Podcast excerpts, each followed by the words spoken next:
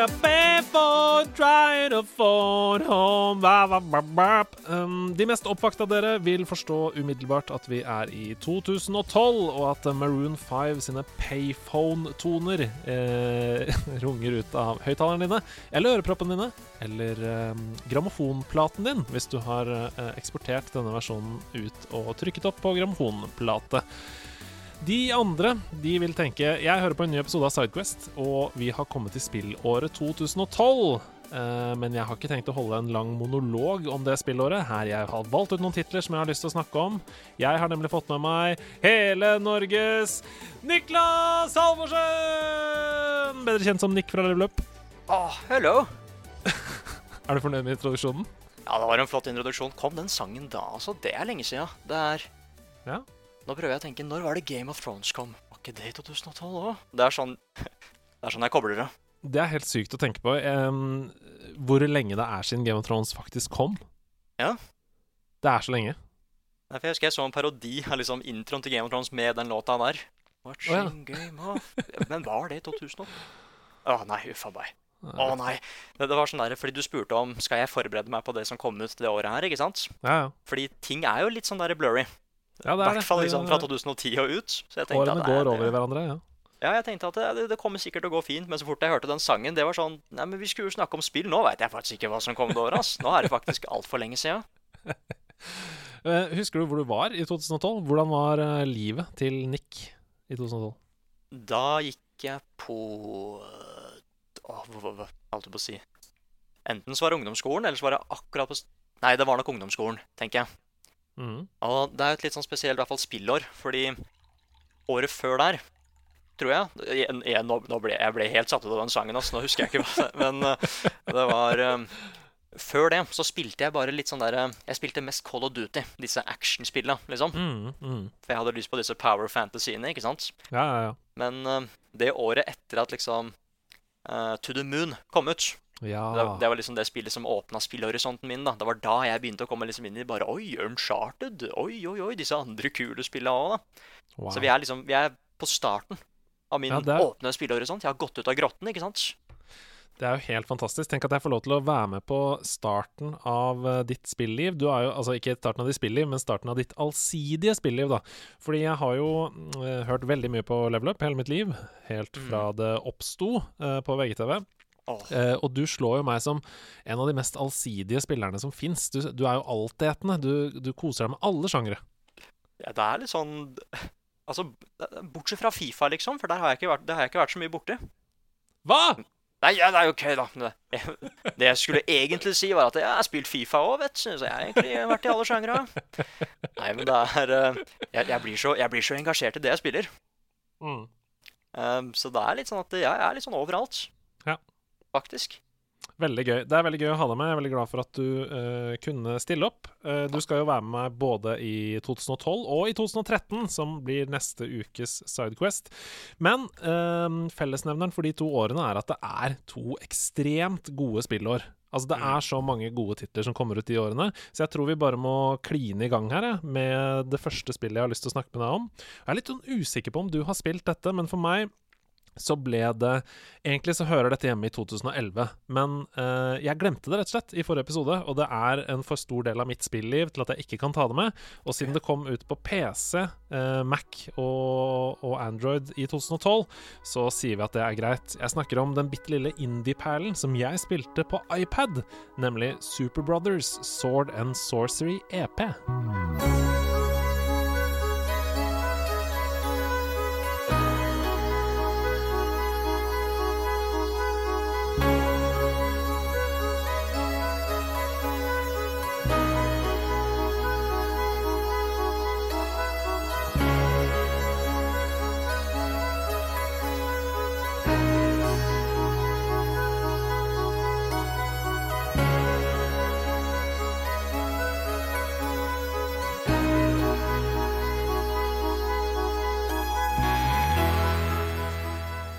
Ble det stille. Jeg tenker, har jeg spilt Jeg tror ikke jeg har spilt det. Nei, Superbrothers Sword and Sorcery-appet, det er um, Eh, ja, det er et eh, pek og klikk-spill med uh, elementer av uh, slåssing. Du har et sverd, du har et skjold, og du går rundt. Men det er på en måte først og fremst kunst, vil jeg si.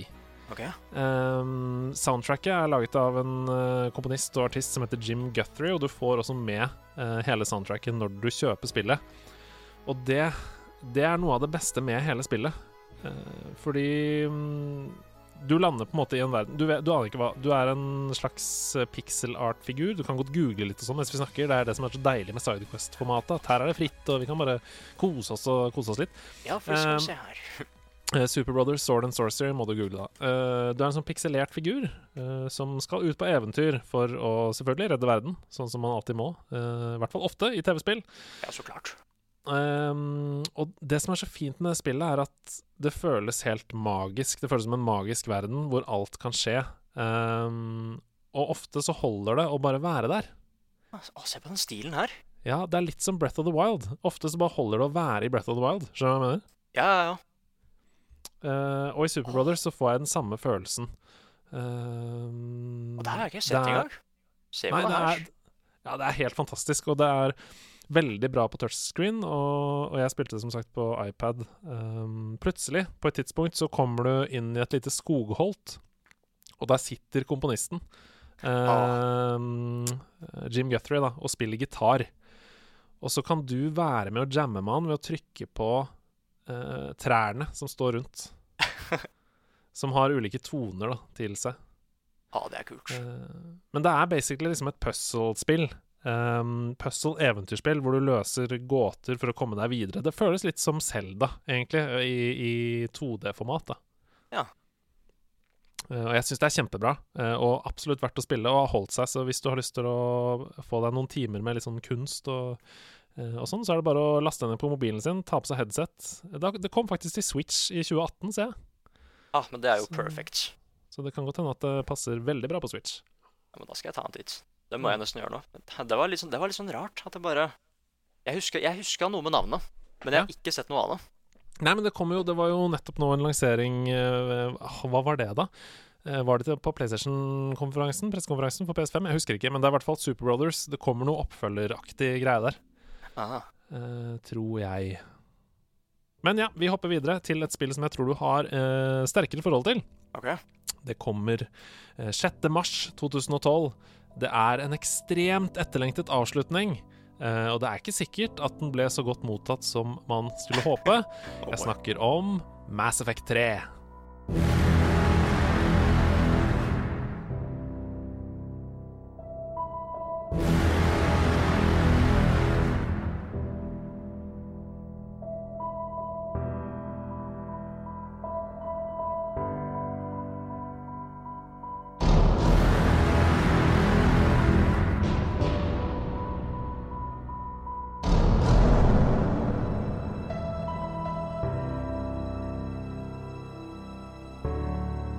her er greia, da.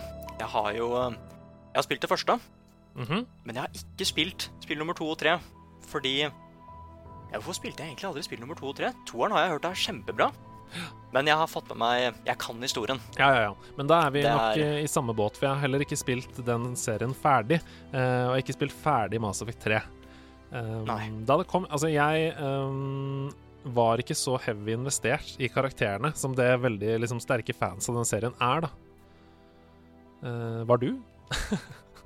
Ja, fordi det jeg syns var så kult med det, var at uh, Vent litt før jeg bare forsnakker meg nå. Du, kan du slutten til spill nummer tre? Uh, ja. Ja, jeg har hørt den. Jeg har hørt den. Ja, okay. Og det er lov å spoile. fordi Uh. Oi, OK, så vi har lov? OK. ja, ja, Nei, det er herlighet. Det er jo åtte år siden. Nå må folk Det må være greit. Jeg skal, jeg skal, ikke, skal ikke gå sånn skikkelig i dybden, men det jeg syns var så spennende med det, var det at det ble liksom fortalt ganske tidlig at det her kunne bli en trilogi. da. Og Mm. jeg hadde ikke spilt det med at eh, Jeg hadde ikke vært borti et sånn type spill hvor karakterene mine kunne dø i det ene og ikke være i det andre, og vice versa. da.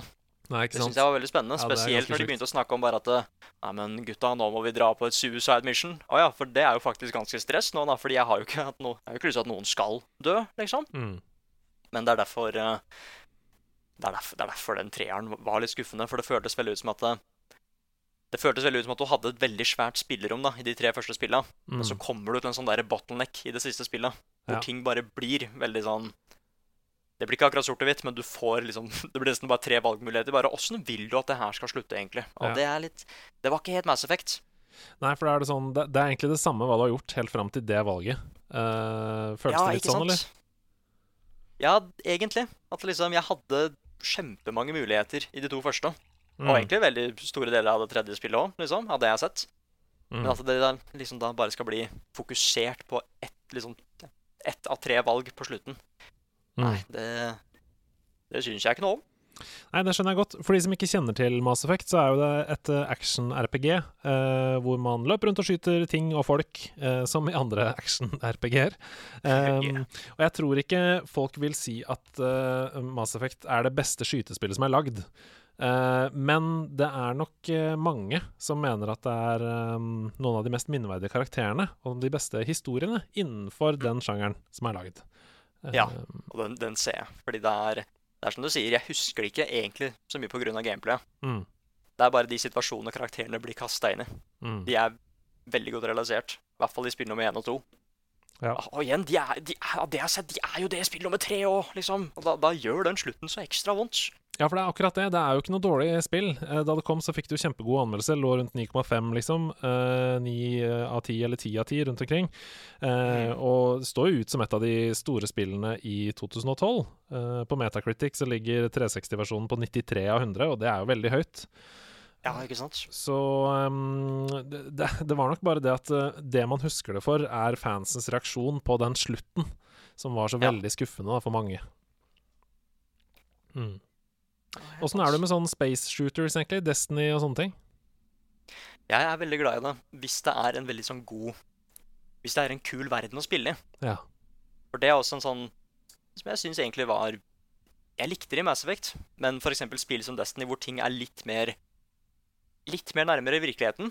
Ikke full on Star Wars, liksom. Mm. Det er den jeg liker best. At det, dette er liksom noe som kan skje, da.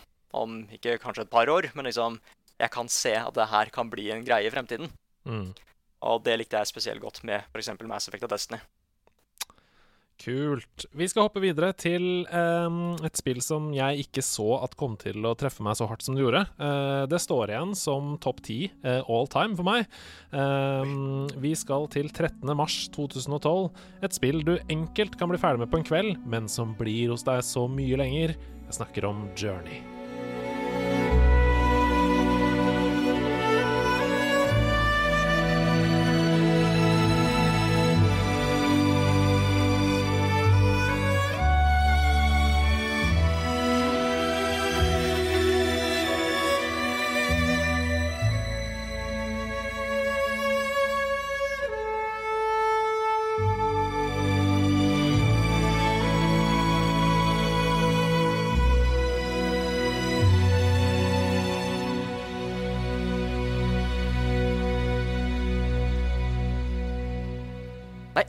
2012? Ja. Nei, men er det det? Nei. Ja da. 13. mars 2012 på PlayStation 3. Eh, Jeg liker at jeg holder på å si nei, nei det kan ikke stemme. Du har jo Hvis du går inn på Wikipedia, så heter til og med eh, Wikipedia-artikkelen 'Journey', eh, parentes 2012 videogame. Ah, Nei, fordi Så, ja. det, det spilte jeg første gang i år. Ja, det, og det er det jeg vet. Du har jo nettopp Du har jo hatt en liten sånn indie-reise. Du, du har streama på Twitch, du har vært gjennom The Stanley Parable, du har vært gjennom Journey. Flere av disse liksom hitsene som vi har snakket om her i Sidequest før, da. Mm. Så du, er, du har jo dette friskt i minnet, og det er jo Det er så gøy for oss å høre om. Fortell om Journey. Fortell om din fordi- journey. Ja, min journey. Eh, det var det at eh, jeg visste liksom på forhånd at eh, det var veldig pent. Mm. Og du skulle til dette fjellet, da. Du starter midt i liksom, holdt jeg på å si stranda, det er feil. Du starter midt i ørkenen. og det eneste du har å gå etter, er dette svære fjellet i horisonten. Som lyser, ikke sant? Mm. Mount Doom, holdt jeg på å si. Ja, Det er en liksom vakker, vakker versjon. Uh, men, men det er sånn derre Veldig ofte Det er en sånn ting, nesten en blessing and a curse når det kommer til å anmelde spill òg, er at eh, du blir veldig sånn Du blir veldig kritisk til ting, da. Mm. Uh, det blir veldig vanskelig å finne et spill som du bare kan sette deg med for å slappe av med, da. Uten å liksom Ja, subjektivt å anmelde det og sånn. Men dette er et av de spillene hvor jeg hørte at det er tydeligvis et av de beste spillene som er lagd. Og det er så deilig at liksom bare to timer inn så finner jeg en companion som har lyst til å hjelpe meg gjennom hele historien. Mm. Um, og da får jeg den derre Fy fader, dette her Det er garantert ti av ti, liksom. Det er garantert Mm. top score. Jeg er ikke ferdig, men jeg kan Jeg ser det allerede, liksom. da Mm. Og det er så sjelden at det skjer. I hvert fall i sånne type små indiespill med meg. da Nei, jeg, jeg, jeg digga det. Mm. Det tok lang tid før jeg glemte Jeg har ikke egentlig glemt det sånn, egentlig. Jeg ble jo til og med venn med den personen som hjalp meg gjennom min første journey. Mm. De tingene Altså, der, da. det- Det, jeg, jeg mener at uh, det spillet har mange dypere budskap enn det man uh, tenker over ved første gjennomspilling, eller i hvert fall ved første øyekast. Uh, for det er jo Mm. ikke noen Det er jo ikke noen særlig måte å kommunisere med hverandre på, da, i det spillet. Du kan, du kan si wah, wah, wah, wow, wow, wow», med, ja. med karakteren din ved å trykke på firkant. Eller du kan på en måte gå hit og dit og peke på ting og gå i sirkler og sånn, men um, man har på en måte ikke et felles språk. Men likevel så er det et liksom veldig tett bånd mellom uh, deg som spiller og den du spiller sammen med, Um, som man knytter helt uten å liksom kunne snakke sammen. Og det uh, appellerer til noe av det liksom uh, genuint menneskelige i oss, da, tenker jeg. Ja, ja. ja Ehm, det, er, det er liksom ikke en språkbarriere der, eller noe sånt. Nei. Og det er det jeg syns var så gøy, fordi det, jeg spilte det åpenbart med en som hadde spilt det før. Mm. Personen visste nøyaktig hvor hva som var riktig vei til opp til det der fjellet, liksom. Og hvis jeg gikk feil, da, så henta han meg, da. Ja, ja. Og lagde den derre Og jeg bare Ja, ja, da. Tilbake igjen. Og så bare fortsatte vi. Jeg har liksom, opplevd, eh, jeg opplevd det samme. Jeg, jeg spiller ofte mm, gjennom det eh, Jeg har spilt gjennom det kanskje ti ganger, minst. eh, og det er ofte jeg bare finner det fram igjen hvis jeg trenger noe å bare slappe av med. Og da har jeg opplevd at um, jeg møter folk som kan alle easter eggs, som vet alle småting. Ja, Og som liksom drar meg langt ut i høyre i ørkenen, f.eks. Å ja, der var det en liten blomst, ja, som gjør at um, jeg får en notifik... Nei, en sånn um, achievement, ikke sant?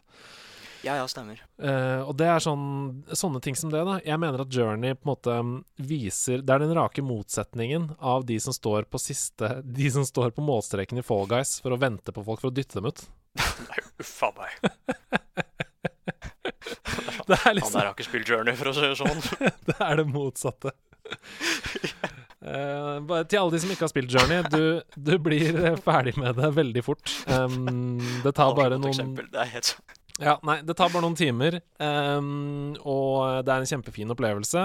Uh, det har holdt seg veldig godt. Det er et slags puzzle-spill, et lite plattformspill, uh, men først og fremst så er det en øvelse i å bli en bedre person. Så det Ja, men det er helt sant.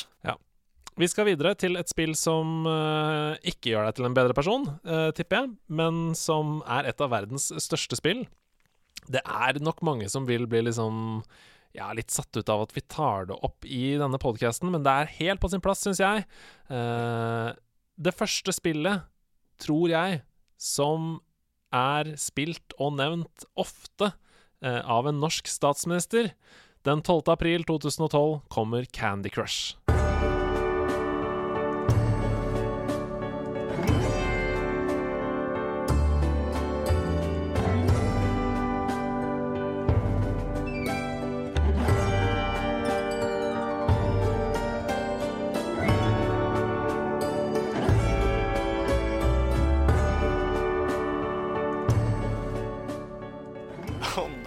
Har ikke spilt Candy Crush. Jeg, jeg, er så, jeg er så lite i disse mobilspillene. Ja. Det som er interessant, det er at um, Candy Crush kom ikke på mobil før i 2014. Uh, to og et halvt år etter. Candy Crush var et Facebook-spill. Ja, Fordi det, er- der kan du se, det visste ikke jeg. Nei, det var eksklusivt et Facebook-spill, og jeg tror ikke de hadde noen uh, idé om at det skulle bli noe annet enn det heller. Um, jeg husker det. Det, det, det. det gikk sin seiersgang på Facebook, sammen med spill som Farmville, eksempel. Ja, for det, det spilte jeg. Mm. Men så tok det da steget uh, ut av um, Facebook og inn i folks mobiltelefoner, og uh, dro med seg masse mikrotransaksjoner og ble en enorm på en måte ja, spillbauta, egentlig. Altså, når vi skal oppsummere spillhistorien uh, 100 år fram i tid, så er det umulig å ikke nevne Candy Crush. Ja, det er jo sant. Um, ja, er- Candy Crush er jo da bejeweled, liksom. Altså, du skal få Du skal få tre eller fire eh, like. Eh, enten samle dem i en firkant, du har ulike um, frukter, eh, eller ja Godterier, da, som du skal eh, i ulike farger, som du skal line opp sånn at de eh, eksploderer og tømmer brettet ditt. Og det er altså en utømmelig mengde brett, eh, og det fortsetter bare å vokse og vokse. Ah. Du har aldri spilt Candy Crush, men du har fått med deg hypen rundt det. Ja, det, det, det er litt sånn derre Alle veit hvem Mario er, ikke sant? Mm. Vi er liksom litt der med det. Mm. Uh, så husker jeg bare at det var jo reklamer om det overalt òg. jeg Mm. visste ikke at det starta på Facebook. Det er så interessant. Mm. Um, Candy Crush har As of Det står her As of January 2018, altså det er jo to år siden, da, så er det over 2100 baner i, i Candy Crush. Um, det ligger på 79 av 100 på Metacritic, så det er åpenbart et bra spill. Og det er det jo. Ah. Det er jo ikke et dårlig spill. Altså Hvis du er ute etter Bejeweled og sånne oppgaveløsningsspill, så er Candy Crush et av de beste spillene som du kan få tak i. Men please, ikke bruk penger på mikrotransaksjoner, for du kommer til å angre. Det er evig med baner. Og selv om det akkurat der og da føles utrolig digg å komme seg forbi bane 79 eller 351 eller 484, så kommer bane 485! Det er ikke noe vits. Altså, du betaler deg liksom videre? Ja, eller du kan bruke penger til å kjøpe power-ups, ikke sant? Som gjør det lettere å komme seg okay. videre. Ah. Mm. OK, nok om Candy Crush. Jeg vil heller snakke om et eh, indiespill som eh, det kan hende du har spilt. Det kan hende du ikke har spilt det, men det kan også hende du har sett uh, en film om det. For det er nemlig behørig dokumentert i filmen Indie Game The Movie. 13. april 2012 på Xbox 360 kommer Fez.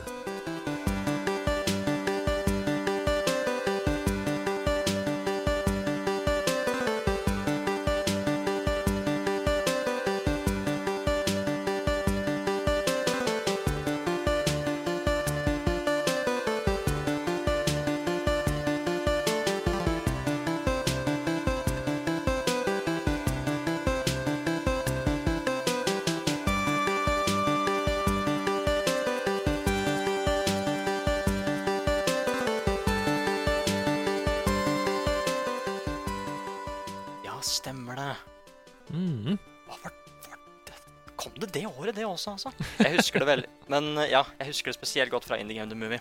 Mm. Uh, og det er en sånn derre Det er også en sånn derre ting som kan virkelig forandre liksom, synet mitt på det jeg spiller, hvis jeg vet historien bak det. Ikke sant? Uh, jeg har ikke spilt det så mye, da. Jeg har det. Men uh, jeg ble litt sånn derre jeg, jeg ble ikke Jeg ble ikke akkurat kvalm, men jeg ble litt sånn uvel av måten det spillet der Fordi det er et 2D-spill Mm. med en 3D-funksjon. Ja, Det er helt snur på hele verden, liksom. Og det, det satte meg litt ut. Det er en 2D-plattform et, et 2D-plattform-puzzle-spill um, Mm. hvor du er en liten hvit gutt med en eh, rød Fez-hatt, derav navnet Fez, eh, i en Mhm. pixel art-verden uh, som du da som spiller roterer. Så du kan bevege spilleren din fram og tilbake, opp og ned og hoppe og sånn, men du kan også bevege hele uh, verden.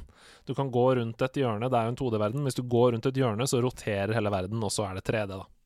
Mm. Jeg ble også litt kvalm av det. Enig i det, altså. Jeg, jeg hadde liksom ikke spilt noe Jeg hadde liksom ikke noe jeg kunne sammenligne det med. Nei. Og da ble det litt mer at ja, men ting skal jo vanligvis Jeg har jo som regel en plan når jeg ser brettet, ikke sant? Men når jeg plutselig må snu det, så blir det Ja, det, det ble litt mye for meg på starten. Men, men det er liksom Det er helt klart noe jeg kan gå tilbake til. Nå som jeg liksom er litt eh, Har litt mer tålmodighet og sånn. Mm.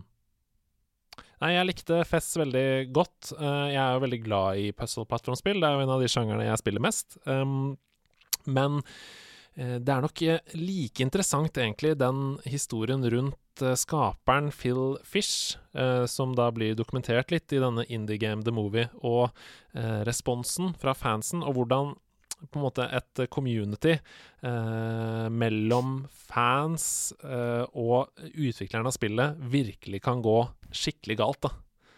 Mm. Um, for i ettertid så Det kom jo litt kritikk av Phil Fish uh, som person, uh, ut fra hvordan han opptrådde i den Indie Game The Movie, og også hvordan han svarte kritikerne på Twitter etc., som jo førte til at han til slutt kansellerte hele utviklingen av Fest 2 og trakk seg ut av spillbransjen.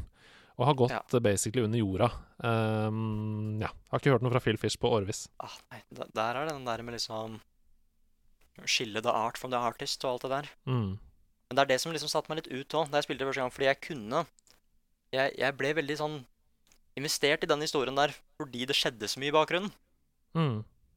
Det var liksom at det, man lagde spillet med, og liksom Viste at liksom det å ha business og vennskap ikke går helt, helt sammen. Og det er liksom Ja, det skjedde så mye under utviklingen, da.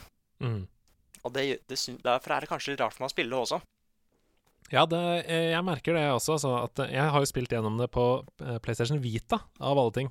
Um, det er på en måte min forgjenger til Nintendo Switch. Uh, og det var et veldig kult spill å spille på flyreiser og sånn. Da har du tid og tålmodighet til å sitte og tenke litt på sånne puzzles og sånne ting. Men, men etter at jeg så In The Game The Movie, så har det blitt vanskeligere for meg også, så, å spille det. Mm. Ikke sant?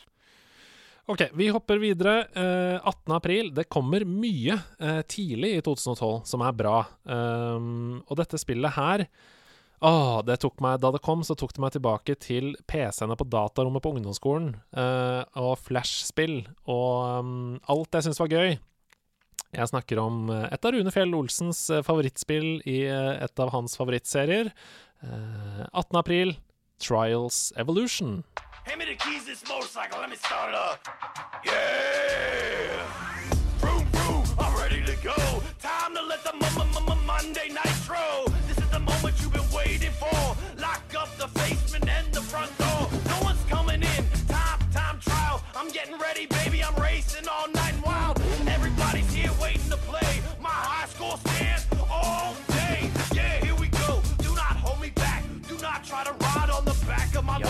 Så klart. Ja, Den, ja, den, ja. den, huska, den huska jeg.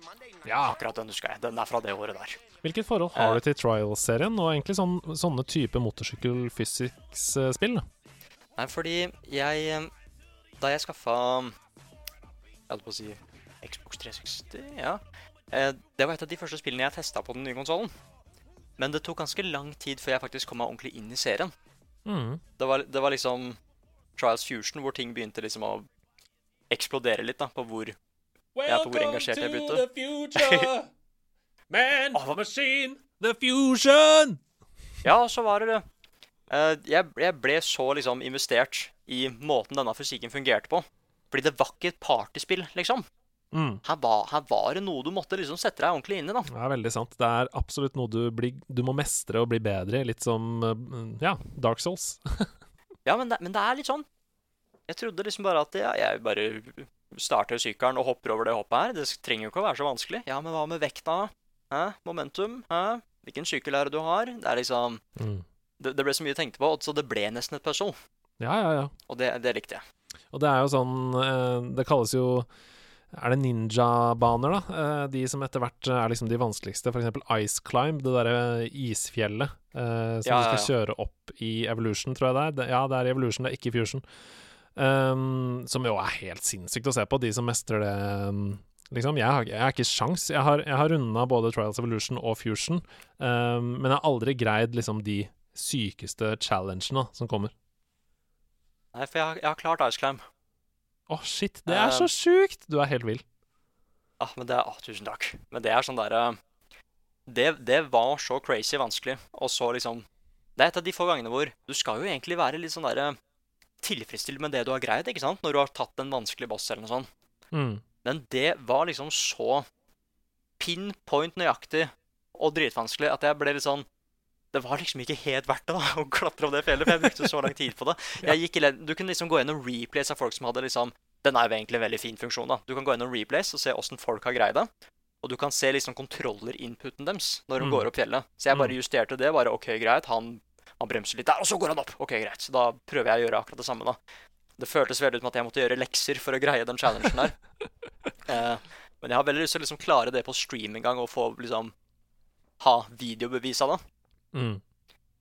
Og det er eh, det, det var sykt vanskelig. Men Mm. det viser oss litt bare Jeg husker de utviklere sa det, at det bare det er, ikke en, det er ikke snakk om at folk klarer det her den første uka, liksom. Men det tok jo bare et par dager før ja. noen faktisk hadde kommet seg på toppen. Men sånn er det. Jeg føler ofte undervurderer man eh, makten i et community, da. Vi har jo også gjort det flere ganger i nederlandslaget, at vi har tenkt sånn Ja, det skjer ikke, og det skjer ikke, og så bare Jo, jo, det skjedde etter Ja. kort tid. Um, men ja, Trial-spillene, jeg er utrolig glad i dem, altså. Jeg syns de er helt fantastiske. Eh, litt irritert på progresjonssystemet i Fusion, dessverre. Men Mm. det er veldig, veldig kosespill for meg. Jeg kan sette meg ned og bare ta et par baner.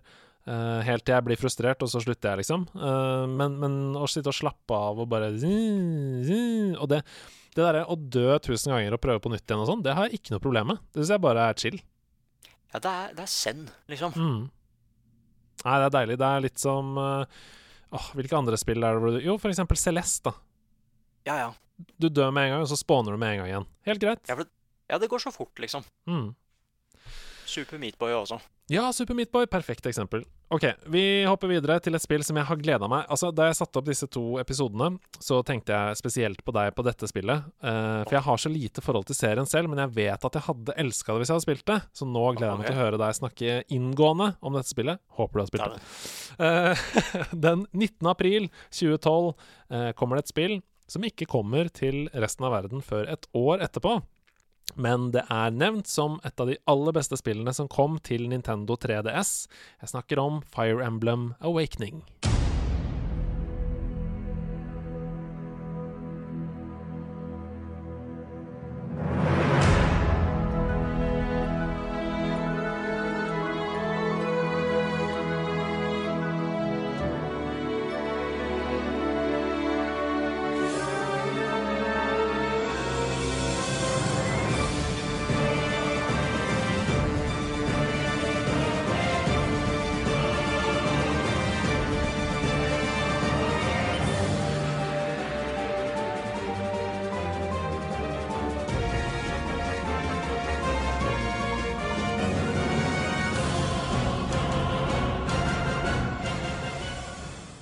Det var spennende å følge med på da det kom, ass. Fordi den serien var eh, ja, Den sang på det siste verset, egentlig. Mm. Den, den, var, den var i ferd med å liksom faktisk gå helt under. Så det her Mm. var liksom det siste spillet de Det var liksom at jeg hva, Vi avslutter serien med det siste her, da. Mm. Det var liksom Det var det spillet som eksploderte. Tenk på Jeg det. hadde Ja, liksom folk, folk visste litt om hva det var, fordi disse karakterene hadde dukket opp i Super Smash-spillene og sånn, ikke sant? Mm. Men det var jo ikke der de hørte til, gosh darn. De hadde jo sin egen serie. Mm. Nei, så jeg husker veldig godt det med at jeg var Jeg var veldig spent på det spillet, men også sånn Ja, ja, det, dette, er det, dette er slutten, liksom. Det, det ble ordentlig bygd opp som det. I hvert fall også i den historien der, da. Um, nei, så det er, det er bare så kult at det Ja, det siste forsøket de hadde, det var liksom det de trengte. Tenk på Det det. eksploderte etter det. Veldig ofte når jeg, når jeg um, gjør research for uh, nederlandslaget, eller uh, bare nerder på TV-spillhistorie, for jeg er veldig, veldig veldig glad i TV-spill, som du sikkert har skjønt, um, Ja, ja, ja. så, så kommer Fire Emblem opp. Uh, både Mm. serien og spesielt Awakening og, og noen av de andre spillene, så kommer de opp og nevnes som ja, noen av de beste RPG-spillene som er lagd noensinne. Ah. Men jeg har jo ikke spilt dem! Og da, ah. da spør jeg deg, Nick, hva er det som er så bra med Fire Emblem? Og spesielt Awakening, da, siden vi er i 2012. Ja, Ok, fordi nå skal du høre, vet du. Jeg lener meg tilbake. Ja, k- jeg, knek, jeg knekker opp fingra. Knekke til knekk. OK. det som er, da, er at eh, jeg er veldig veldig glad i spill der det er ordentlig stakes i det du gjør. At det liksom Ja, hvis en karakter dør, så er den karakteren borte, liksom.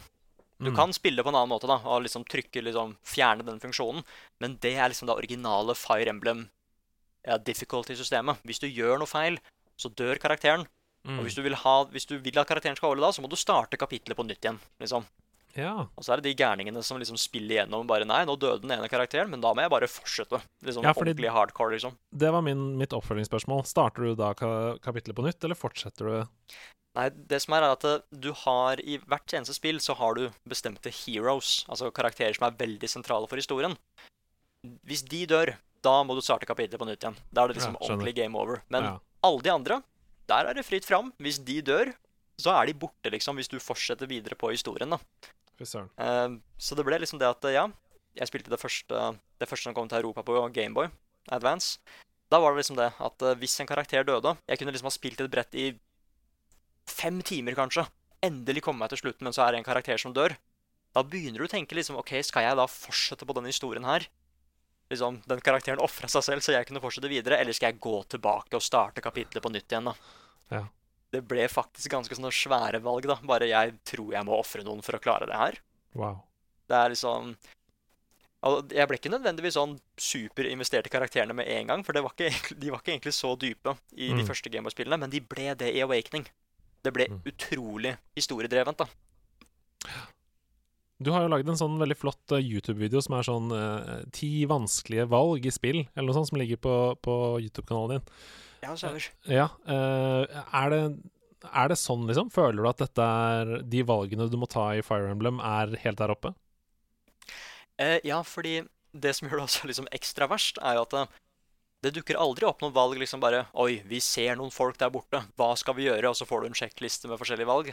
Det føles mer ut som at det, du er den som satte i gang den situasjonen her, fordi du gjorde de tinga som leda opp til den situasjonen her. Ikke sant? Ja, skjønner. Så da, så da blir det litt det at det bare Ja, hvor, hvor mye lyst har du egentlig til å vinne det her, da? Mm. Er det noen som må ofres for at du skal klare det her? Eller skal du liksom gå tilbake og faktisk prøve å ha med alle sammen? Så det har blitt sånne der challenger, de greiene der, da, med at eh, folk prøver å få med alle karakterene gjennom hele spillet. Ingen skal dø. Og så blir det liksom det at når du kommer til slutten av hvert eneste Fire Emblem-spill, da, så står det hva som skjedde med disse karakterene. Ja. Og, da har liksom, og noen er liksom bare at ja, disse to Disse to her ble så gode venner fordi de sloss en del sammen, så de gifta seg. De fikk et barn, liksom. Gøy. Men så, Veldig ja, gøy. men så, så har du plutselig en sånn kjempetrist en hvor bare eh, Det er f.eks. en bror og søster i et av spillene, jeg skal ikke si hvilken, men hvis eksempel broren dør, Ja. så har jo den Søsteren vet jo ikke hva hun skal gjøre når historien er ferdig, ikke sant. Bare, ja, hun, Mm. hun har ikke noe purpose lenger. Broren var hennes verden, liksom. Så det Mm. er veldig sånn Ja, det går skikkelig inn på deg, altså, når du liksom finner ut av hva som skjedde. Jeg liker veldig godt å finne ut hva som skjer i den verden etter at jeg er ferdig å spille igjen, ikke sant? Mm. Og da ble det sånn at nei, hun kan ikke være trist, nå må jeg starte på nytt igjen. Nå må broren overleve òg, liksom. Nei, vi skal gå videre. Altså, jeg, skal bare, jeg er så nysgjerrig på Fire Emblem-serien, så jeg har bare lyst til å spørre avslutningsvis har du til, om du har lyst til å snakke litt om gameplay også. Altså, hvordan er um, For jeg har skjønt at det er jo et uh, RPG, men er det, er det turn-based? Hvordan er det fightingen pågår? Og ikke minst, er det liksom bosser som er bossfighter som er veldig minneverdige, eller? Ja, jeg kan gå superraskt gjennom det. Eh, Mm. Det er turbasert. Ja, det er du det. Har, ja, du har liksom På din runde så beveger du dine karakterer så og så langt, så den andre, andre runden ser fiendene. Ja. Uh, I nesten alle spillene så er det et det er et triangle, weapon triangle-system. Eksempel sverd er bra mot øks, øks er bra mot spyd, spyd er bra mot sverd. Så du må være litt strategisk på hvem som er plassert hvor. og litt sånn. Du har long Stein, range saks, papir, altså, eh, rett og slett. Ja, faktisk, ja, faktisk stein, saks, papir. Og så har du liksom long range units, du har pil- og bueskytere, du har magic users. Og det er ikke Serien er ikke kjent for sånne superminneverdige bossfights, egentlig. De eneste svære, det er de aller siste bossene. Det er som regel noe ganske Ja, noe ganske svært, da. Sannsynligvis en drage Ja, i et av spillene, siden det heter Fire Emblem. Da dukker det opp noen drager her og der. Men Ja, ja. som regel så er det bare bossen i hvert brett. Meningen er å ta ut bossen og liksom ta over fortet til denne bossen. Det er Mm. som regel en veldig veldig sterk fiende, men du har fått litt bakgrunnshistorie på hvem det er, da, så du har lyst til å ta dem. liksom. Skjønner. Men da har jeg fått litt mer inntrykk. Eh, jeg visste f.eks. ikke at det var så tactical, da. Eh, sånn som f.eks. XCOM eller eh, Hva heter det? Mario and Rabbids. hvor du på en måte beveger Du beveger spillerne du har valgt ut, over et brett. Det var interessant. Ja, men det er, det er et veldig liksom, en bra sammenligning. Ja. Jeg digger XCOM fordi jeg spilte Fire Emblem først, f.eks. Skjønner, skjønner, skjønner. Den 15. mai, bare fem dager før min bursdag, og to dager oh. før Norges bursdag, så uh, kommer det et spill som veldig mange har sett utrolig frem til. Um, nok et spill jeg ikke har spilt, men som jeg må spille. Uh, og jeg kommer garantert til å spille oppfølgeren når den uh, kommer. Hack and slash har aldri vært bedre enn dette. Vi skal til Blizzard. Jeg snakker om Diablo 3.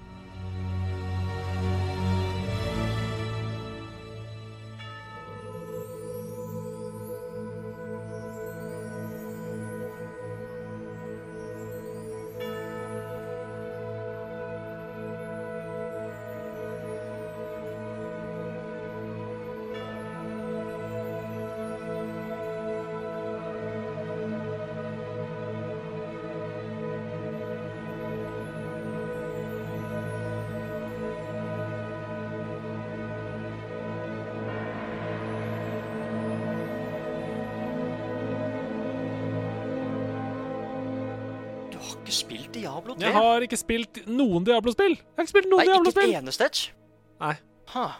Det er helt krise. Det er, det er jo helt krise. Altså, oh. jeg elsker loot, jeg elsker Borderlands, jeg elsker hack and slash. Det er bare, det er bare oh, tull at jeg ikke har spilt det. Ja, nå blir det sånn Jeg, jeg, jeg veit du er glad i loot. Altså, Diablo got all the loot. I know! I Så er know! det sånn Det derre er helt cool dark fantasy setting, ikke sant? Ja, det, hva skjer?! Jeg elsker jo det! Ja. Så hvis jeg kunne velge, så ville jeg bodd i Mordor. Det ville jeg kanskje ikke, men Oi, eh, oi, oi. jeg ville i hvert fall, hvert fall prøv, prøvd å leie der, da, en periode, bare for å se om jeg likte det. Ja, ja, ja. Ah, nei.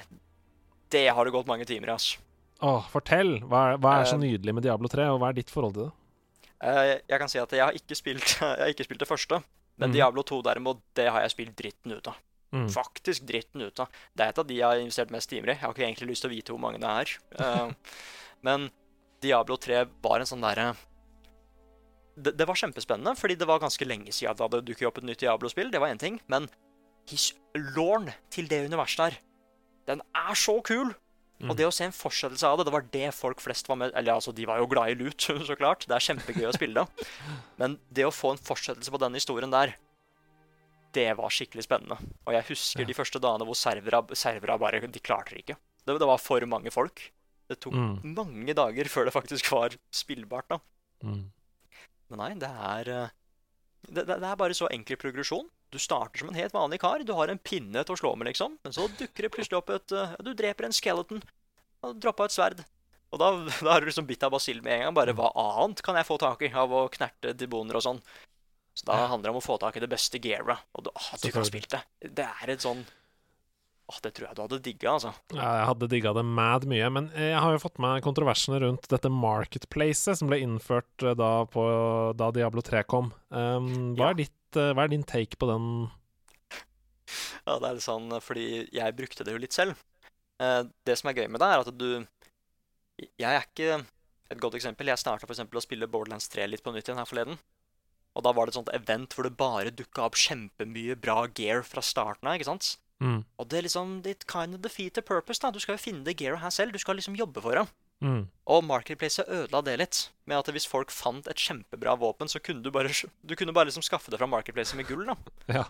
det er liksom Det, det, er, ikke, det, det er ikke Diablo.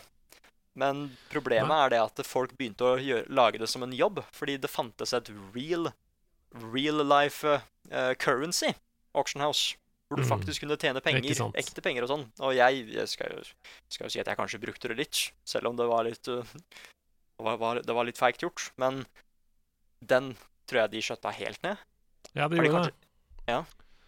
Uh, og det er nok sikkert av de grunnene som du snakker om her. Um, in March uh, 2013, former Diablo 3 game director Jay Wilson stated that he felt the existence of the auction houses really hurt the game.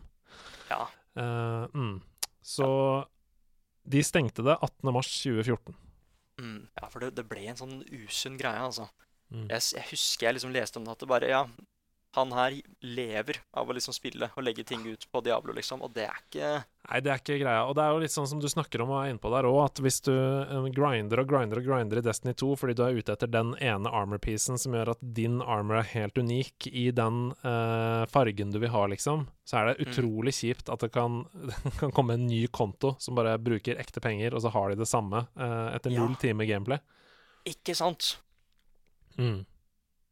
Men ja, Diablo 3, eh, hack and slash eh, action RPG, som er fokusert rundt dette loot-systemet. Få nye, bedre ting, bli sterkere, kulere. Um, jeg har alltid syntes at uh, når jeg ser sånn eh, screenshots av det, så er det så mange ting på skjermen. Det er sånn svær HUD med masse greier på. Eh, er det Ah, oversiktlig? Er det greit? Alt er lett å svare er nei, ikke egentlig. Men, men det er sånn eh, Fordi det er sånn På starten eh, Det er faktisk bare sånn OK, nå skal du beseire 100 skeletons, og de dukker opp samtidig. Eh, Ikke sant? Så det, så det er utrolig kaotisk, spesielt på liksom når du kommer til endgame og sånn. Da er det jo helt uh, Da må du virkelig satt deg inn i det. Men det er en ting som det er veldig, det er veldig fort gjort å få oversikt over. Mm. Du, du får en sånn derre Spesielt hvis man har spilt World of Warcraft og de spillene der. Du får en sånn kombinasjon med knappene du skal trykke på, ikke sant, som leder deg gjennom brettet. Uh, og selv om det kommer sånn 10 000 demons og ja, zombies og whatnot liksom, som skal ta deg og sånn, så er det veldig lett å bare følge med på karakteren sin og hva som skjer rundt han. Ja. Men, jeg, men det er ofte at jeg, jeg aner ikke hva jeg gjør. Jeg bare trykker på mange knapper og bare Ja, nå, nå brenner jeg, liksom. Nå kan jeg gå inn i folkemengden der og det, men, men, men ja, du, du, du blir vant til Du blir vant til kaoset.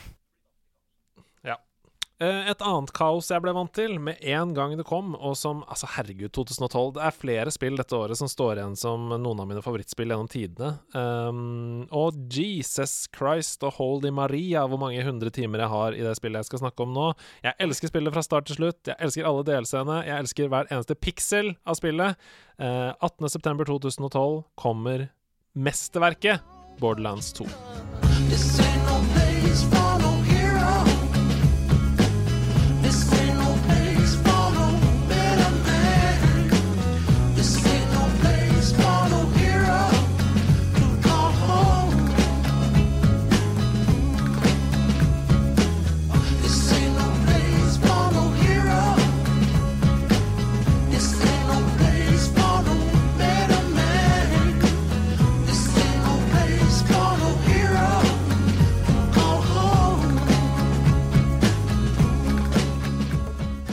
Nei, det kom ikke da. Gjør det det?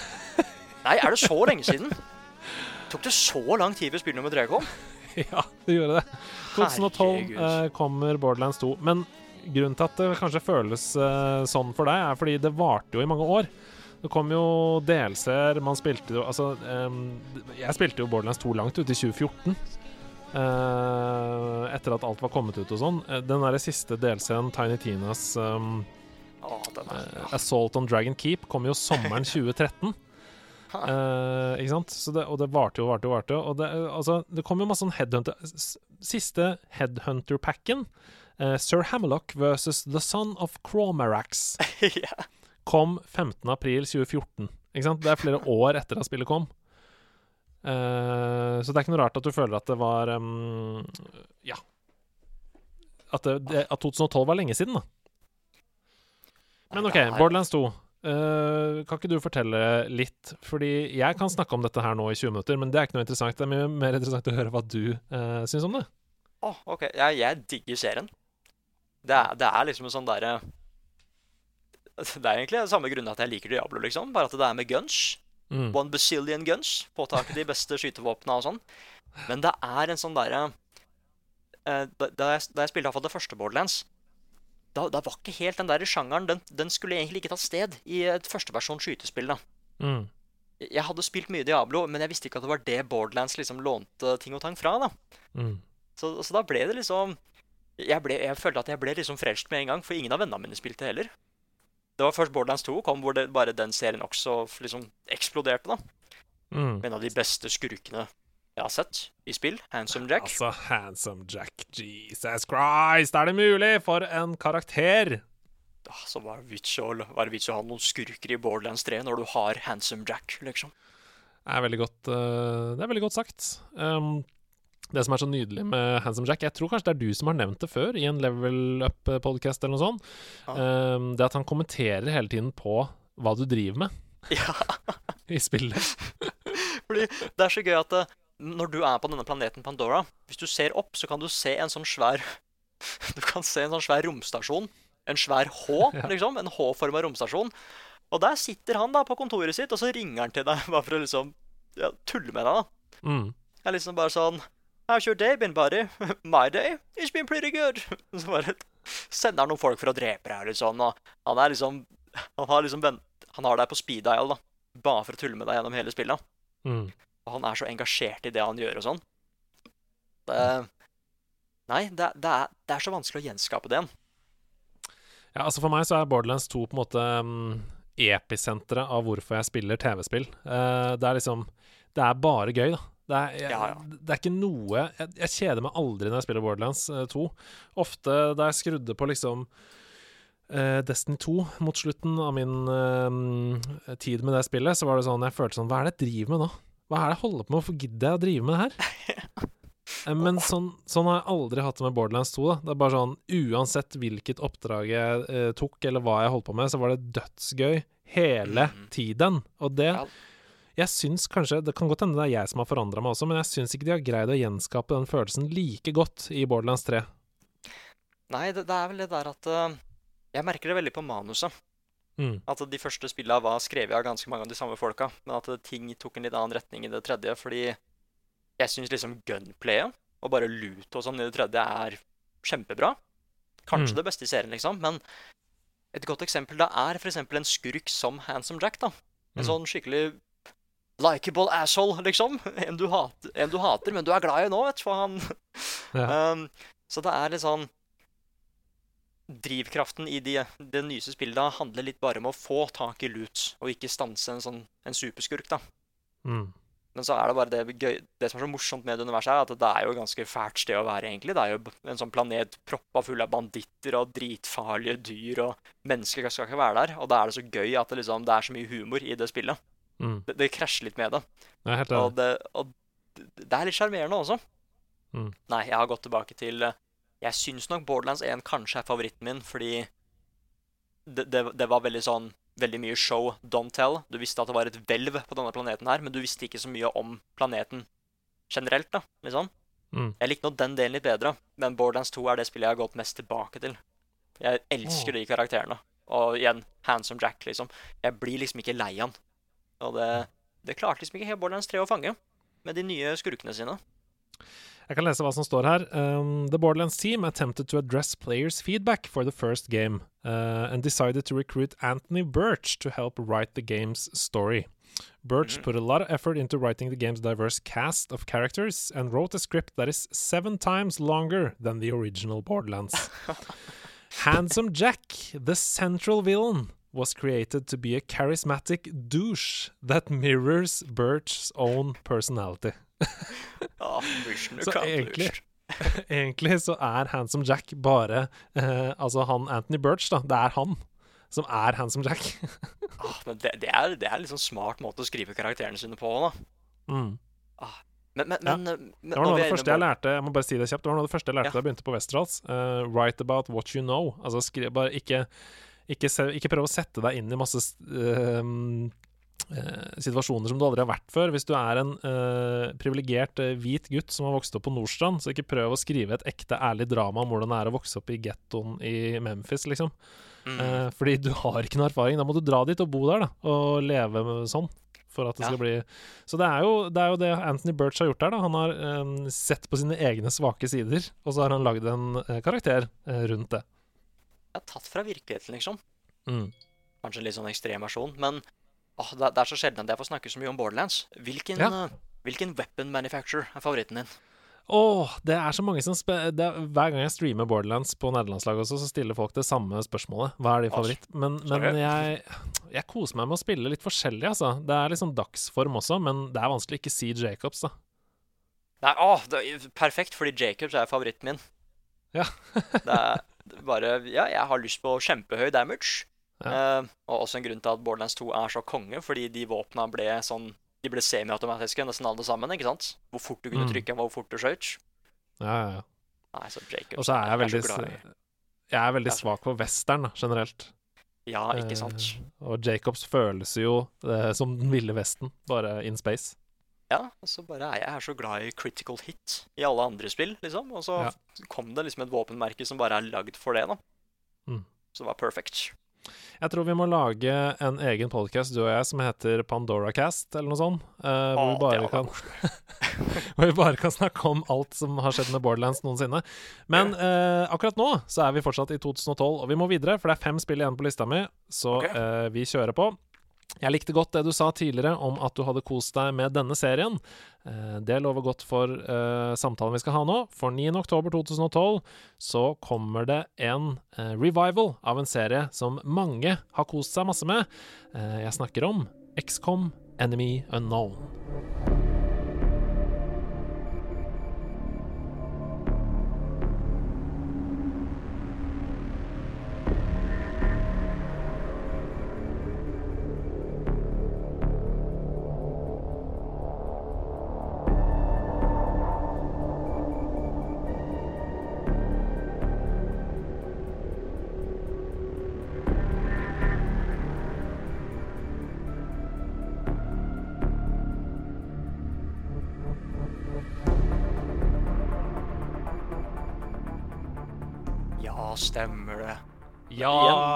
Nå, nå, blir jeg fortsatt sånn der Kom det i det året også? Ja, ja. Hører du hvor bra 2012 er, eller? Ja, fordi dette her er litt morsomt. Eh, Jeg har jo Jeg hadde jo egentlig lyst til å lage en sånn topp 10-liste for level up. Når jeg skulle rangere det beste tiåret som var nå, da. Hva, hadde de beste, hva var de beste åra og sånn? Men nå begynner 2012. Det var helt crazy, faktisk. Mm. Men tilbake til XCOM, da. Ja, fortell Hadde, om hadde, det XCOM. ikke vært for, hadde det ikke vært for Fire Emblem, så hadde jeg ikke kommet inn i XCOM. Nei, ikke sant? Jeg, tenk, jeg tenkte liksom at dette her er jo Fire Emblem in space, jo, med aliens og sånn. Og det er liksom Det er egentlig det det er. Sånn faktisk. Ja, ja, det er jo turn-based, uh, tactical, akkurat som uh, Fire Emblem. uh, og akkurat som de andre spillene vi nevnte i stad. Du har et team som du velger om du vil flytte rundt på brettet, om du velger om du vil attacke med, om du vil bruke um, items eller andre skills da, uh, hver runde. Og så er egentlig målet å drepe masse aliens. Det er det det handler om. Mm. Ja, og så er det Den store forskjellen der er at eh, det er ikke egentlig en bestemt helt i XCOM-spillene. Du styrer bare denne uniten. XCOM, liksom. Mm. Og det, det er en sånn ting som jeg syns er Som jeg kanskje syns XCOM gjør litt bedre enn Fire Emblem. Fordi det at du har disse Disse heltene som hva som enn skjer, kan ikke dø, liksom. Med mindre historien sier at de skal dø. Det er ikke noe sånn i XCOM. Alle, hvis noen dør der, så er det som regel din feil, da. Mm. Og det er også det at ja, alle du sender ut, kan dø. Det, det, å, det er så spennende med sånt gameplay der, ass. Mm. Jeg elsker den derre Eller jeg hater å havne i situasjonen, men jeg elsker at det er mulig. At jeg faktisk sitter i en time og bare Hva skal jeg gjøre her nå? Alt har gått gærent. Hvis jeg gjør et eller annet dumt nå, så dør hun her. Eller så dør han der. Skal jeg ta det skuddet der? Det står 40% om jeg treffer eller ikke.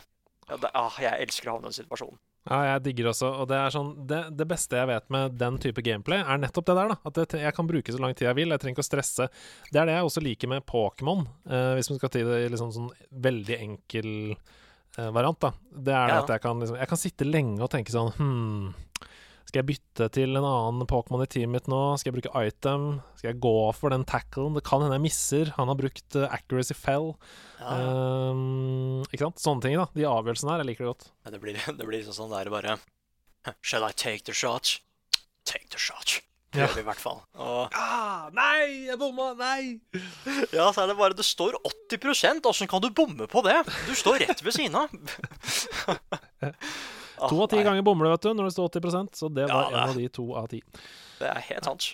XCOM er um, utrolig gøy, veldig avhengighetsskapende, og det har veldig sånn replayability value. Du kan, uh, du kan spille det om igjen og om igjen flere ganger. Um, Og det er også gøy at det er så deilig progresjon. Um, du, det, du, det blir kjempevanskelig mot slutten, uh, men det er du forberedt på, på en måte. Det, det er Ja, ja. aldri sånn at du plutselig møter en vegg. Uh, det syns jeg er digg. Nei, for det blir helt crazy på slutten. Mm. Og du har den der at liksom at Ja, men nå som vi er på slutten, skal jeg ofre noen folk for å redde dagen, ikke sant? Mm. Åh, nei, jeg XCOM er skikkelig kult. 23.10.2012 så kommer det et ekstremt stilsikkert spill eh, utviklet av eh, noen svensker. Eh, som senere skal vise seg å vokse til et stort og viktig studio. Eh, vi har snakket om det studioet allerede i dag, eh, og jeg tror at det kommer til å være stort og levende i mange, mange, mange, mange år til. Eh, jeg sier bare z-z-z, z-z-z, z-z-z, z-z-z. Jeg snakker om Hotline Miami. Nå må du komme deg gjennom banen, du må drepe noen så of the map Nå må du komme deg gjennom banen, du må drepe noen så of the map Spesielt i bullet time.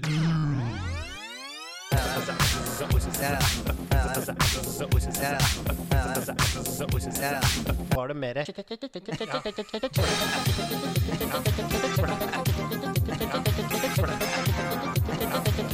Ja, jeg prøver å bli ferdig her!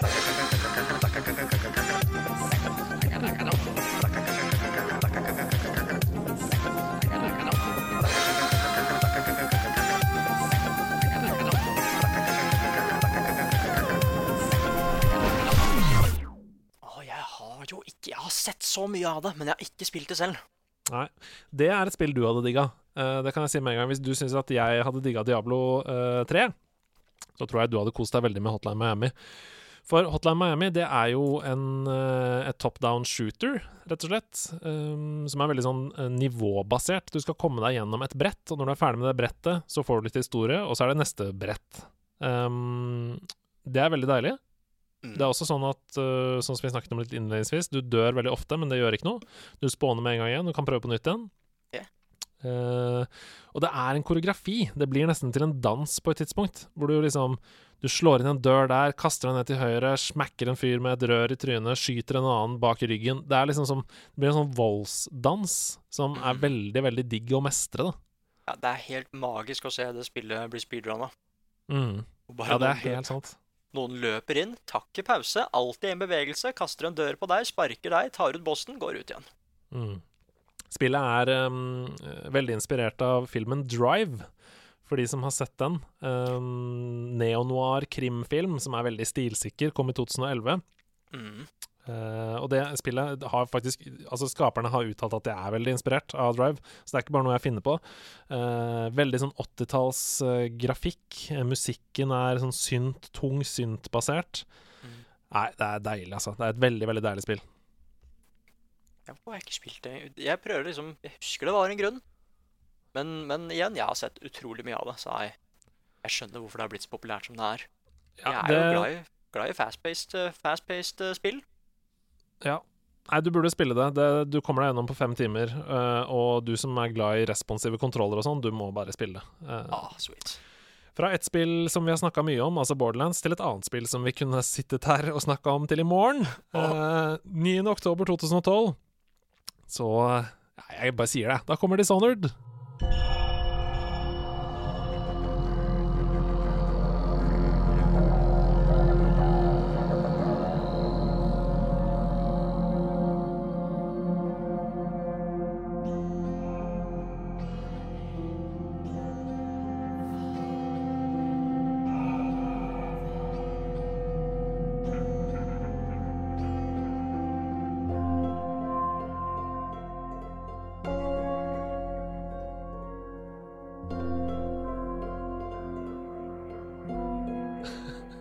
Fordi der er den der, vet du. Jeg, jeg, jeg visste det. Jeg, det. Det var bare spørsmål om tid før den dukka opp. Ja. Ah, det er et av de Det er et av de liksom største spilloverraskelsene jeg har hatt, husker jeg. Mm. Eh, fordi jeg fant ut om det spillet fordi Rune anmeldte det hos Level Up på VGTV. Mm. Og jeg husker at han var liksom at ja, jeg, jeg ga det f f eh, terningkast fem, men så hadde han liksom blitt spurt etterpå bare var det egentlig terningkast fem. Så gikk han tilbake inn og ga det en sekser seinere, så da hadde jeg lyst til å spille det. Mm. Men jeg fikk ikke testa det før jeg fikk det til jul. Og jeg trodde bare at det skulle være et veldig sånn kult stealth-spill. Og du Mm. skulle gå rundt i denne steampunk-aktige byen, og du hadde litt sånne kule superpowers og sånn. Men jeg Altså, worldbuildinga i det spillet, og bare Herregud. level-design og sånn, Level design er helt magisk. ja, det er Eh, helt crazy. Og det er jo Det overraska meg veldig også, fordi mitt forhold til Betesta var jo liksom uh, Skyrim, typ. Ikke sant? Ja. Det var jo ikke denne typen spillopplevelser i det hele tatt.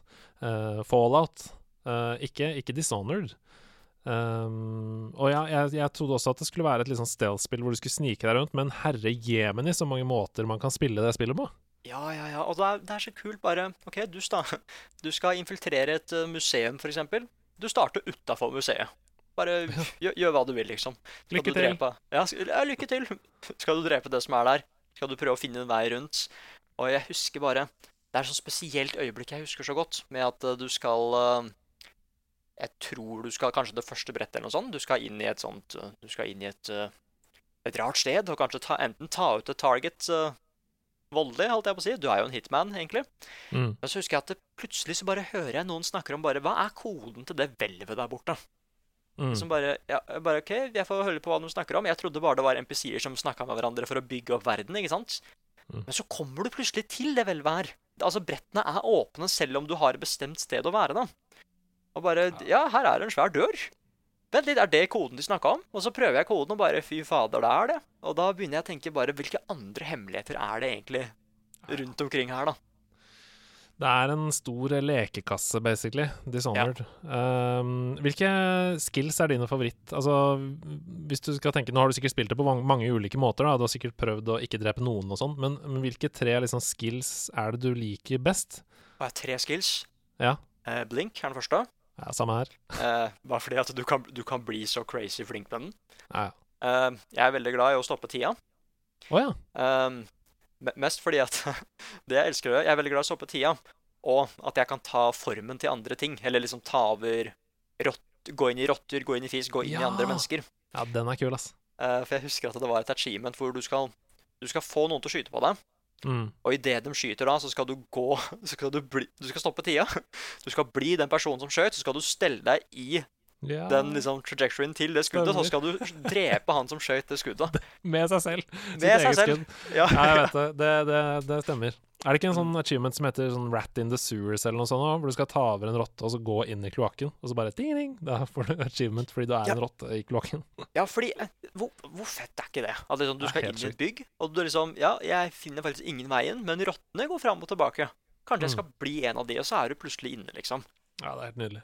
Nei, det er, det er liksom Jeg tror det er det beste stealth-spillet jeg har spilt. Tredje skillen, da? Å nei, jeg holdt på å si Ja, fordi det blir blink, stoppe tida, og det at jeg kan bli, gå inn i andre ting. Ja, ja, det var de tre. Ja, ok. Ja, det var de tre. For de er så, de er så morsomme å bruke sammen. Ja. Jeg er nok mer eh, streit enn deg. Blink er jeg helt enig i, og så brukte jeg veldig mye uh, lytte gjennom vegger. Altså se uh, hvor de er. Ja, Den er, jeg husker ikke hva den heter. Hva er det? Dark et eller annet. Jeg husker ikke hva den heter. ja da, Er det Dark Vision, kanskje? Ja, Dark Nei, Vision er det. Dark Vision Ja. er det, Stemmer. Uh, og den tredje, Agility, brukte jeg også mye. Hvor du får mindre fall damage, um, blir raskere, kan hoppe høyere, sånne ting. Å, det har jeg ikke, den, den har jeg ikke tenkt på. Da må jeg tenke litt. Da, da, da, jeg erstatter nok kanskje den med å bli til andre ting. Ja. Men igjen, dette sier bare replay-valuen til det spillet der. Det kan være to helt forskjellige spill fra bare hvilke skills du velger. Åh, kan jeg si et morsomt øyeblikk i det spillet? Ja, definitivt. Eh, Det som er kult med det, er at du kan spille det på liksom mange måter. Skal du komme deg gjennom uten å bli sett? Skal du komme deg gjennom uten å drepe noen? liksom? Så jeg ville ha den der at jeg skal komme meg gjennom uten å Jeg, kan bli sett, men jeg skal ikke drepe noen. Men så har du det problemet at du skal jo Du må jo av og til liksom slå ned noen vakter og sånn, og legge dem et trygt sted. Mm. Hvis du legger dem ned litt for hardt, så dør de. Ja. Så bare Jeg skal legge deg liksom bak gardinen her, og så hører jeg bare et knekk, liksom. Bare, Nei, nå, nå han, han brakk nakken, han. Ah, nei! ja, ikke sant? Og av og til så kunne det hende at du spiller gjennom hele brettet. ikke sant? Bare dette gikk perfekt. Det var faktisk ingen som så meg denne gangen, og det var ingen som døde. Men så har du plutselig Jo, det er én som har dødd. Bare OK, da må det ha vært en person som jeg har plassert feil. Det- Ja ja, det er bare å begynne på nytt, da. ja, det, Man må jo det. Jeg skal jo ikke drepe noen, ikke sant? Ok, Vi må videre. Det er to spill igjen på lista mi. Uh, dette blir den lengste sidequesten noensinne. Det er helt greit, for 2012 er et nydelig år. Um, dette ble nesten en helt egen sjanger da det kom. Jeg snakker om Telltale Games sin episodebaserte fortelling The Walking Dead.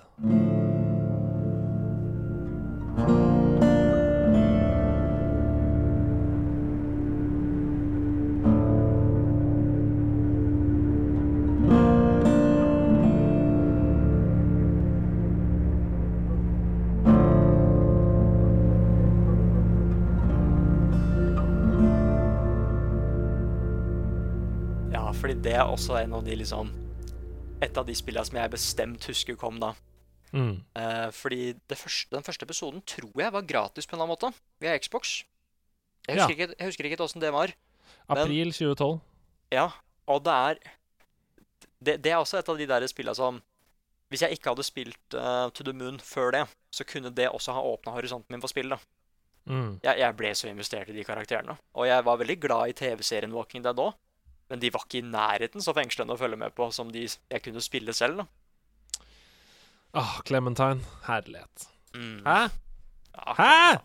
Ja, ja, ja, jeg er helt, jeg er helt enig, altså. Nei, The altså, Walking Dead er jo da en slags um, Ja, det er jo akkurat det som uh, tittelen sier. En walking simulator. eh, hvor du, du går rundt i en animert eh, tegneseriefortelling og tar valg eh, for karakterene. Og det klassiske um, Det var mitt første møte med den derre dette valget vil ha konsekvenser for din videre historie. Oppe Ja, i høyre hjørne. Uh, Mm. Sånn Clementine will remember that. nei, nei, nei! Hvorfor husker hun det? Jeg vil ikke Ja, det- huske det. Det er liksom bare Jeg sitter i låven, liksom. Hva er det som lukter så vondt? Nei, det Shit, det er det det lukter. Å ja, hun kommer til å huske det, ja. Nei, nei, Jeg- nei. Sånn. Jeg kunne ha sagt pup! Ja, nei, men øhm, ble du investert i det? Altså, Ja, var, ja. var det sånn at du satt og venta på neste episode, liksom? Ja, ja, ja.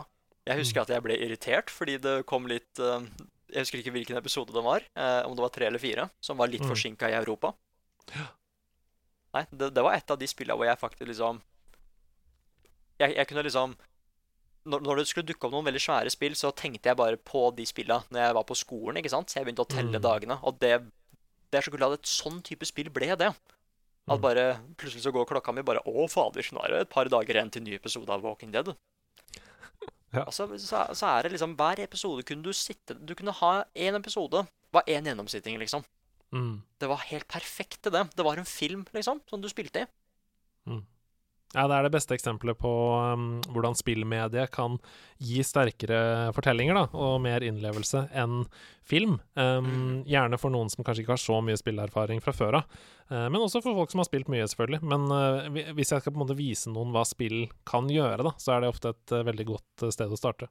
Ja, men jeg er helt enig. Det er, jeg har også en sånn type liste. Jeg tror kanskje Firewatch er på toppen, men Ja, Walking Dead er kanskje rett under, da. I hvert fall når Ja. du liksom er glad i film fra før av. Jeg er helt enig. Ah, Firewatch, ass. Ja, God damn it. 2012, det også? Hæ? Nei. Vi skal til det siste spillet på lista mi, 29.11.2012. Vi har snakka om serien før, så vi trenger ikke å snakke så mye om det, men jeg tar det fram fordi jeg tror kanskje det er det beste i serien. Um, en tropisk øy, en gæren fyr, Far Cry 3.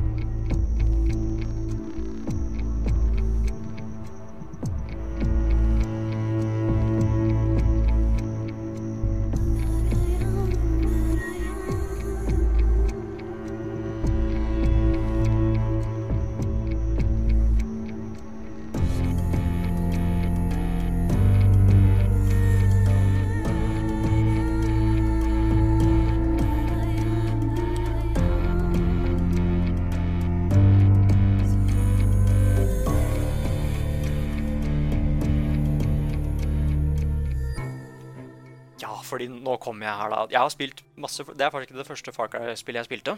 Det Mm, var Far samme Cry her. 3. Første Far Cry-spillet jeg spilte. Jeg syns skurken er helt amazing. Vas. Vas. Hva- Vas Montenegro, et, et eller annet sånt. Uh, Mm. Jeg fulgte med på alle de reklamevideoene. Har- du sett de? Ja, ja, ja. Reklamevideoene til det spillet? De er liksom, helt fantastiske. Uh, det er også en grunn til at jeg begynte å se på Better Call Saul, fordi det er jo den samme skuespilleren som der er, er der òg? Så jeg kaller han bare for Vas, fordi det er jo det han er. Han er så ikonisk, liksom. Ja. Men det var et av de spillene hvor jeg digga starten. Det handler om at du er liksom en sånn En eh, Vel, det er ikke en tenåringsgruppe. Hva er det dette her er for noe, egentlig? Det er en, en gjeng med venner da, som drar til en tropisk øy. Og de Mm. blir jo fanga av eh, jeg holdt på å si pirater. Banditter på den øya, liksom. Og da må, du, da må du gjøre det du kan for å redde vennene dine, fordi du klarer å stikke av. Og jeg syns starten er helt incredible. Med at du liksom, du gjemmer deg liksom i jungelen, og du skal ikke bli sett, og du har skikkelig liksom mangel på ressurser, og du må jakte på dyra for å få Ja, bare for å få ting og tang, da. Som du kan bruke for å slå, slåss tilbake igjen på disse folka. Mm. Men du ble så veldig, veldig sterk på så kort tid. Det er veldig sant. Ja, og de gjør et sånt poeng ut av at når du dreper den første liksom, fienden din, da, at dette er en ganske svær ting for han du spiller, men Mm. ja, du kan drepe et par hundre til, og så Han går veldig fort over det, da. Ja, det er veldig sant. Jeg, føler at det er sånn som uh, Tomb Raider-rebooten. Eh, det første var det Rise of the Tomb Raider het. Da følte jeg sånn at hvert eneste drap hadde veldig mye å si for Lara. Ja, Eh, ja. hun, hun var liksom Og hun var dødelig, da. Hun falt ned en skrent, og det, det føltes vondt, liksom. Det føltes vondt å, å være i sånn eh, elvestryk og jeg, jeg, jeg følte liksom at hun var skjør. Mm. Og så da den andre rebooten kom, altså det som var oppfølgeren til det, så var hun bare sånn killer machine som bare dro rundt og drepte masse, og det var bare helt Det ga meg ingenting, da. Ja, ikke sant? Mm. Nei, men, men jeg syns Far Cry 3 er et veldig bra spill. Mm. Men eh, så begynte de også å gjøre et par valg med skurken i det spillet. Uh, Ja. Fikk vi lov til å spoile? Fikk vi lov til Ja, å ja, spoile? ja, ja, selvfølgelig. Dette er, dette er Sidequest. Det er åtte år siden. Folk må, folk må akseptere det. Nice, nice. Nei, men det at Vas ikke er hovedskurken i det spillet Ja, ikke sant? Nei, Ja. ja, ja, helt enig. Ja, det, det er en sånn d- Visste de ikke at han skulle bli så populær? Han, jeg, jeg skjønte ikke valget i det hele tatt. Jeg, liksom, jeg liker ideen at det er en sånn overlord som styrer ting behind the scenes. Jeg syns det er litt kult, men det at Vas ikke liksom var hovedskurken til det spillet Jeg synes det er veldig rart. De putter han på coveret, og de lager hele på en måte reklamekampanjen rundt han og sånn. Og så Ja, ja, ja. er det ikke Ja, nei. Helt enig, men eh, Far Cry 3 det er altså en open world um, Skyrim på en øde øy. Uh, du går rundt og dreper folk og um, spiller et action-RPG, som er absolutt verdt å spille hvis du liker sånne type spill. Yes. Hva syns du om 2012, da? Det er crazy. Ja, det var faktisk mye mer crazy enn det jeg trodde det skulle være. Jeg husker Ja. et par spill, liksom. Uh, heldigvis så er ikke 2013 noe særlig verre, si. Så jeg gleder meg til neste uke. Inntil da, ha det! Du må si ha det, du òg. Ja, fordi det er jeg skulle spørre, får jeg lov til å si ha det? Ha det bra. Altså, nei, vent da, nå, jeg har glemt én ting. Er det noe du savner fra 2012? Eh, nei, fordi jeg holdt på å si Hvis du ikke hadde sagt Dishonored, så hadde det vært Dishonored. Ja. Det var den jeg egentlig venta mest på, for den huska jeg bare Den er i 2012. Nei, jeg tror du fikk med deg det meste, altså.